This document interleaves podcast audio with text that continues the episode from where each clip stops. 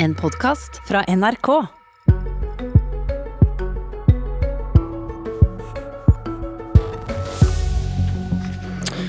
En liten koronaquiz. Hvem sa vi kan ikke sette statskassa på fortauet og håpe på at alle ikke forsyner seg? Erna Solberg eller Jan Tore Sanner er feil hvis du tenkte det. Det var LO-leder Gabrielsen. Og statskassa blir ikke satt ut denne gangen heller. Men etter forhandlinger om en ny krisepakke nærmer man seg jo. Snaut 18 milliarder ble til drøyt 22 milliarder i går. De borgerlige partiene er enige om en ny krisepakke. Bedrifter som nå får mindre omsetning, skal få dekket en større del av tapet enn det regjeringen foreslår. For mens vi venter på vaksinen, må vi overleve, både folk og bedrifter. Og nye koronainnstramminger gjør at næringslivet igjen ser at kundene forsvinner. Da trenger de hjelp fra staten. Og staten, det er bl.a. deg, Mudassar Kapur fra Høyre, leder i finanskomiteen på Stortinget. God morgen. God morgen. Eh, hvordan kan Høyre og regjeringen være fornøyd med en avtale som bruker 4,4 milliarder kroner mer enn det dere mente var nødvendig? Vi har sagt fra start, siden denne koronakrisen startet, at vi skal få Norge trygt gjennom krisen og gjøre det som trengs. Vi har så langt lagt frem en rekke tiltak, eh, også nå i forbindelse med budsjettet. Vi har gjennom forhandlingene med Frp sett et behov for å ytterligere forsterke de tiltakene som gjør at vi kan redde flere bedrifter, redde flere jobber, og sørge for at eh, flere også har en jobb å komme tilbake til eh, når dette er over. Og Vi kommer også til å fortsette å følge med på situasjonen, og det kan også bli behov for å gjøre mer. Hva slags informasjon har du fått på en uke som gjør at du nå mener at det er riktig å bruke 4,4 milliarder kroner mer enn det du mente for en uke siden? Eh, det er faktisk slik at uh, situasjonen har utviklet seg fortløpende siden også denne saken kom. Vi har vært i tett kontakt med både næringsliv, lokalpolitikere. Vi har hatt gode forhandlinger med Fremskrittspartiet, som også har kommet med mange konstruktive tiltak på bordet. Og så har vi sett at sammen, vi fire partiene, kan sørge for å nå legge frem en forsterket pakke som vil sørge for at folk har en jobb å komme tilbake til, og at vi redder arbeidsplassene.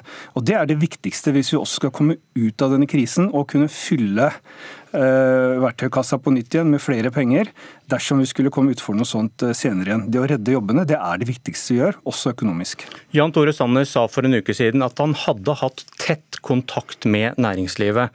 Eh, så da spør jeg igjen, for du svarte ikke på spørsmålet. Hva slags informasjon er det du har fått på en uke som gjør at du nå mener det er riktig å bruke 4,4 milliarder kroner mer enn det du mente for en uke siden?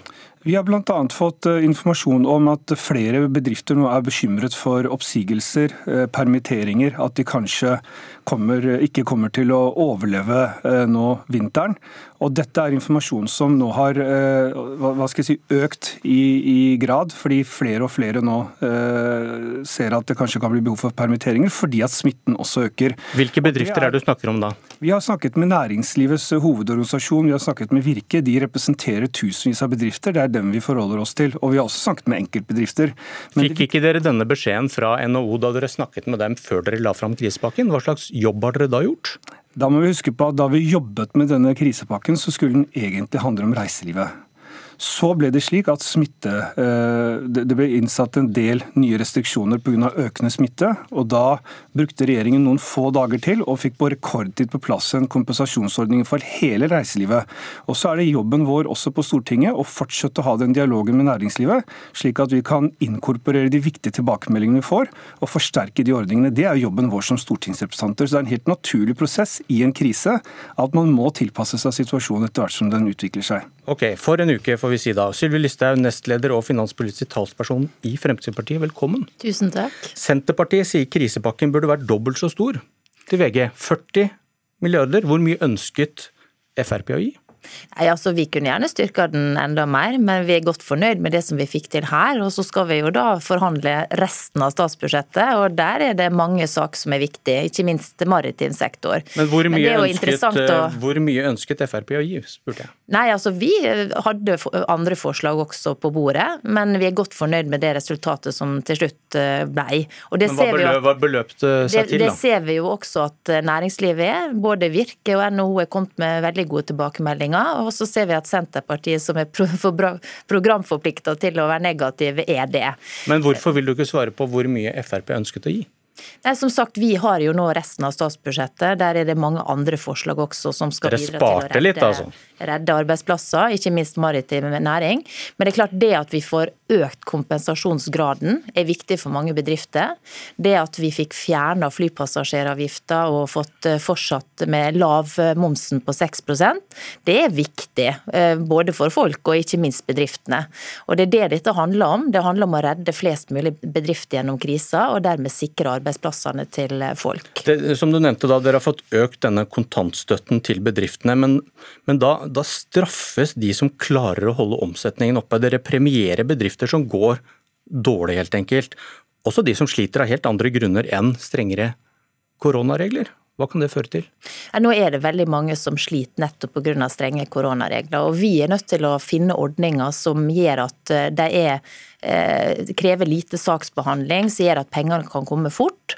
Fordi at mange bedrifter nå er i en prekær situasjon. Eh, derfor så var det viktigste for oss det var å øke kompensasjonsgraden, og det har vi lykkes med. Men hva kan det, det føre til, var spørsmålet, når dere premierer da bedrifter som går dårlig? Nei, altså, det, det, som jeg håper det skal føre til, er at vi redder arbeidsplasser. Og det er det dette handler om. Det handler om vanlige folk som nå skal inn i jula. Der familier opplever at en eller begge blir permittert.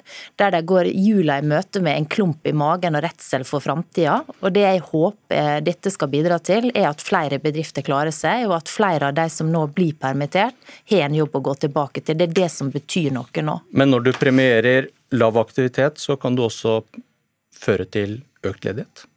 Det er mange dilemmaer oppe i den situasjonen Norge står i nå. Vi står i en krise. Men det som er viktigst for oss, det er i hvert fall å gjøre det vi kan nå for å redde bedrifter gjennom krisene. Og vi tror jo at denne kompensasjonsordninga som næringslivet ønsker, eh, er et viktig bidrag til det. Velkommen Terje Aasland fra Arbeiderpartiet. Takk for det. 22 milliarder, 40 milliarder. Hvor mye mener Arbeiderpartiet det er behov for? Nei, vår pakke som vi har lagt fram som vi mener er riktige tiltak, inneholder eh, opp mot 15 milliarder, 14,7 for å være helt nøyaktig på akkurat det. I tillegg til det, I tillegg til det som regjeringen i utgangspunktet la fram. 30 da. Ja, det ligger rundt der. Men det som, er, det som er det krevende nå, det er at i den tida vi nå er i, så er det fortsatt usikkerhet. Og Det preger både bedriftene og det preger helt vanlige arbeidsfolk. Uforutsigbarheten som ligger der. For det første vi skal, vi, skal, vi skal, komme tilbake til akkurat det. Du tok denne lille tallrunden først. Men så, så, lurer jeg på, dere har også stilt krav om at bedrifter som får støtte, ikke skal ha mulighet til å ta ut utbytte eller si opp folk. Hadia Tajik pekte på lærdommen fra finanskrisen, eh, der aktører som ble reddet av staten brukte pengene på store bonuser og store utbytter. Hun sier det kan vi bare ikke risikere igjen. Hvorfor skrev dere under på en kompensasjonsordning for bedriftene i vår, som ikke hadde noen slike krav? Men Vårt utgangspunkt i våres var også at vi skulle sørge for at ikke det ble tatt ut utbytte, og at ikke folk ble sagt opp. Fordi Tar du ikke ansvar for det du skrev under på? Jo, men da var Hvorfor, Hvordan kunne dere skrive under på det da? Da var situasjonen altså For det første, nå har vi mer erfaring med ordningene. Vi har hatt bedre tid på oss. Det som skjedde i våres, det var at vi måtte få på plass en ordning veldig raskt fordi det var prekært. Nå har vi visst, og vi kunne forberede oss på en situasjon hvor skal vi si, smitteverntiltakene måtte tilta. Og Derfor er det helt naturlig nå å stille de kravene. fordi at Når vi stiller opp med store penger fra fellesskapet, fellesskapet, skattebetalernes penger, som skal redde bedriftene, redde arbeidsplassene, så bør vi stille punkt én krav om. Det var vel akkurat den samme logikken i vår da dere skrev under ja, på dette her? Ja, men det hadde ikke vært så viktig, da? Jo, men altså, du må huske på at vi, vi har kommet nå i en situasjon hvor vi har fått uh, mer erfaring. Eh, mer forberedelser på denne situasjonen. og Det er naturlig å stille de kravene. Det var det naturlig å gjøre i våres. Vi fikk ikke da gjennomslag, fordi at både regjeringspartiene og andre sa veldig tydelig at det ville de ikke være med på. Det mente de var en begrensning. Vårt mål var også i, eh, i, i våres å få på plass det. Så til situasjonen nå. Nå stiller vi nok en gang opp med betydelige midler av fellesskapets eh, penger skattebetalernes penger nettopp for å redde bedriftene og arbeidsplassene. Da er det naturlig at vi stiller krav om at det ikke skal tas ut utbytte. Og det er naturlig å gi helt vanlige arbeidsfolk en, en, en, en, sikkerhet i at ikke de blir sagt opp i en krevende tid. Det bør være de forpliktelsene vi setter inn i denne ordningen fra det offentliges side. Og Det syns jeg er synd at ikke de nå viderefører eh, Fremskrittspartiet og Høyrepartiet. Når jeg hører Sylvi Listhaugs omsorg for uh, arbeidsfolka, ja, så er det grunn til å lytte. Men jeg hører ikke og ser heller ikke noe i avtalen som i utgangspunktet sikrer folk. Jeg er jo helt enig med Lien Aasland at det å ta utbytte når man er i en krise og mottar statlig hjelp, det er helt uh, umusikalsk. Og jeg tror faktisk ikke det er det som er situasjonen. Men du hadde ikke noe krav om det? Folk er livredd for å miste jobbene sine. Men det som er det utrolige med Arbeiderpartiet sin politikk, det er for det første at dere skal øke formuesskatten neste år med mange milliarder kroner. Så skal man forby utbytte, som de fleste bedriftseiere er helt nødt til for å greie å betale formuesskatten. Da tar de først utbytte som de skatter av, så får de pengene på konto, så betaler de skatten sin til staten. Og det jeg lurer på, Tror dere at folk sitter med penger i madrasser? De må tappe bedriftene sine for å betale denne skatten. Svar kort på det. Ja, det, det, som er helt utrolig, å prøver å bortforklare den virkeligheten som bedriftene er i akkurat Nei, den virkeligheten bedriftene er i akkurat nå, den har ikke du klart å ivareta gjennom den avtalen du har laga med høyrepartiene. Fordi det som er krisa nå, det er at veldig mange bedrifter har ikke penger i madrassen. Veldig mange har brukt opp pengene sine i den situasjonen som allerede har vært fra mars og fram ja, til nå. Og så vil du at jeg skal betale mer skatt. Har dere, ikke, har dere ikke klart engang å sørge for at de får likviditet nå? Altså at de får penger nå i den tida. De må vente til januar. Kanskje de får penger i januar, kanskje de ikke får penger i januar. Det vet vi altså ikke Hva kunne man gjort med det? Ja, Nei, burde hatt en ventil som sikra bedriftene likviditet nå. Enten så burde det vært en, en eller annen form for forskuddsutbetaling for de bedriftene som åpenbart har eh, rett i forhold til den kompensasjonsordningen, og ikke på en måte nå skyve problemet foran seg. for det er det de faktisk gjør. Samtidig som at nå har vi sittet altså og venta på en ordning siden eh, september.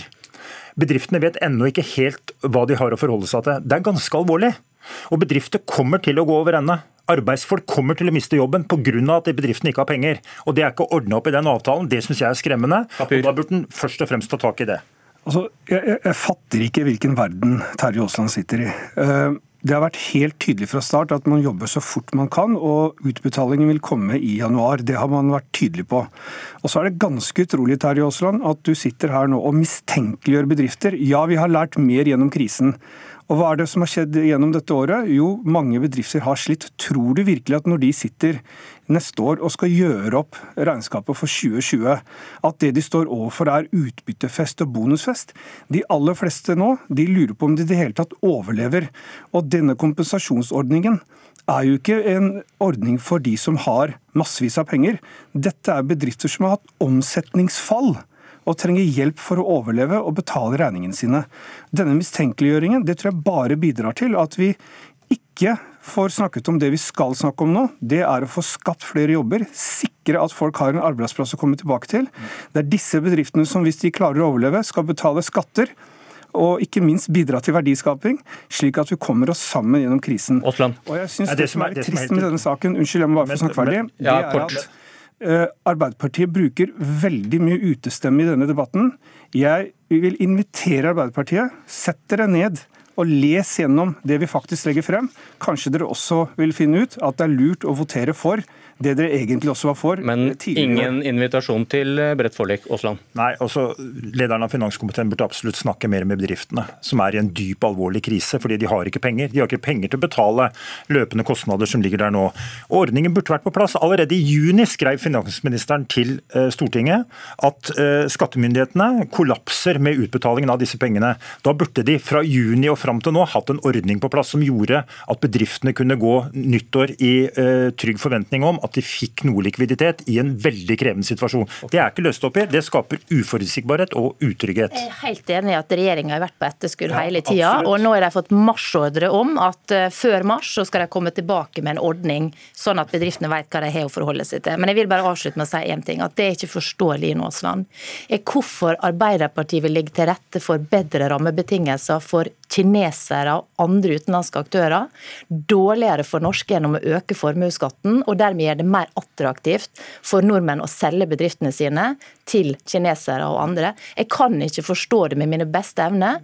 Vi trenger norsk eierskap. Enhver debatt ender i formuesskatten. formuesskatt. Ja.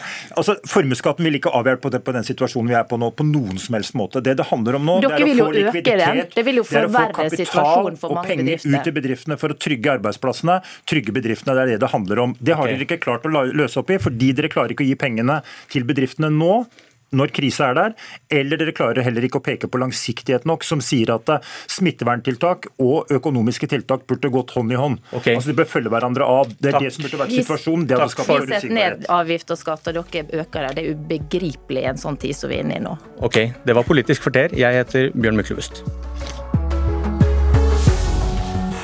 Du har hørt en podkast fra NRK. Hør flere podkaster og din NRK-kanal i appen NRK Radio.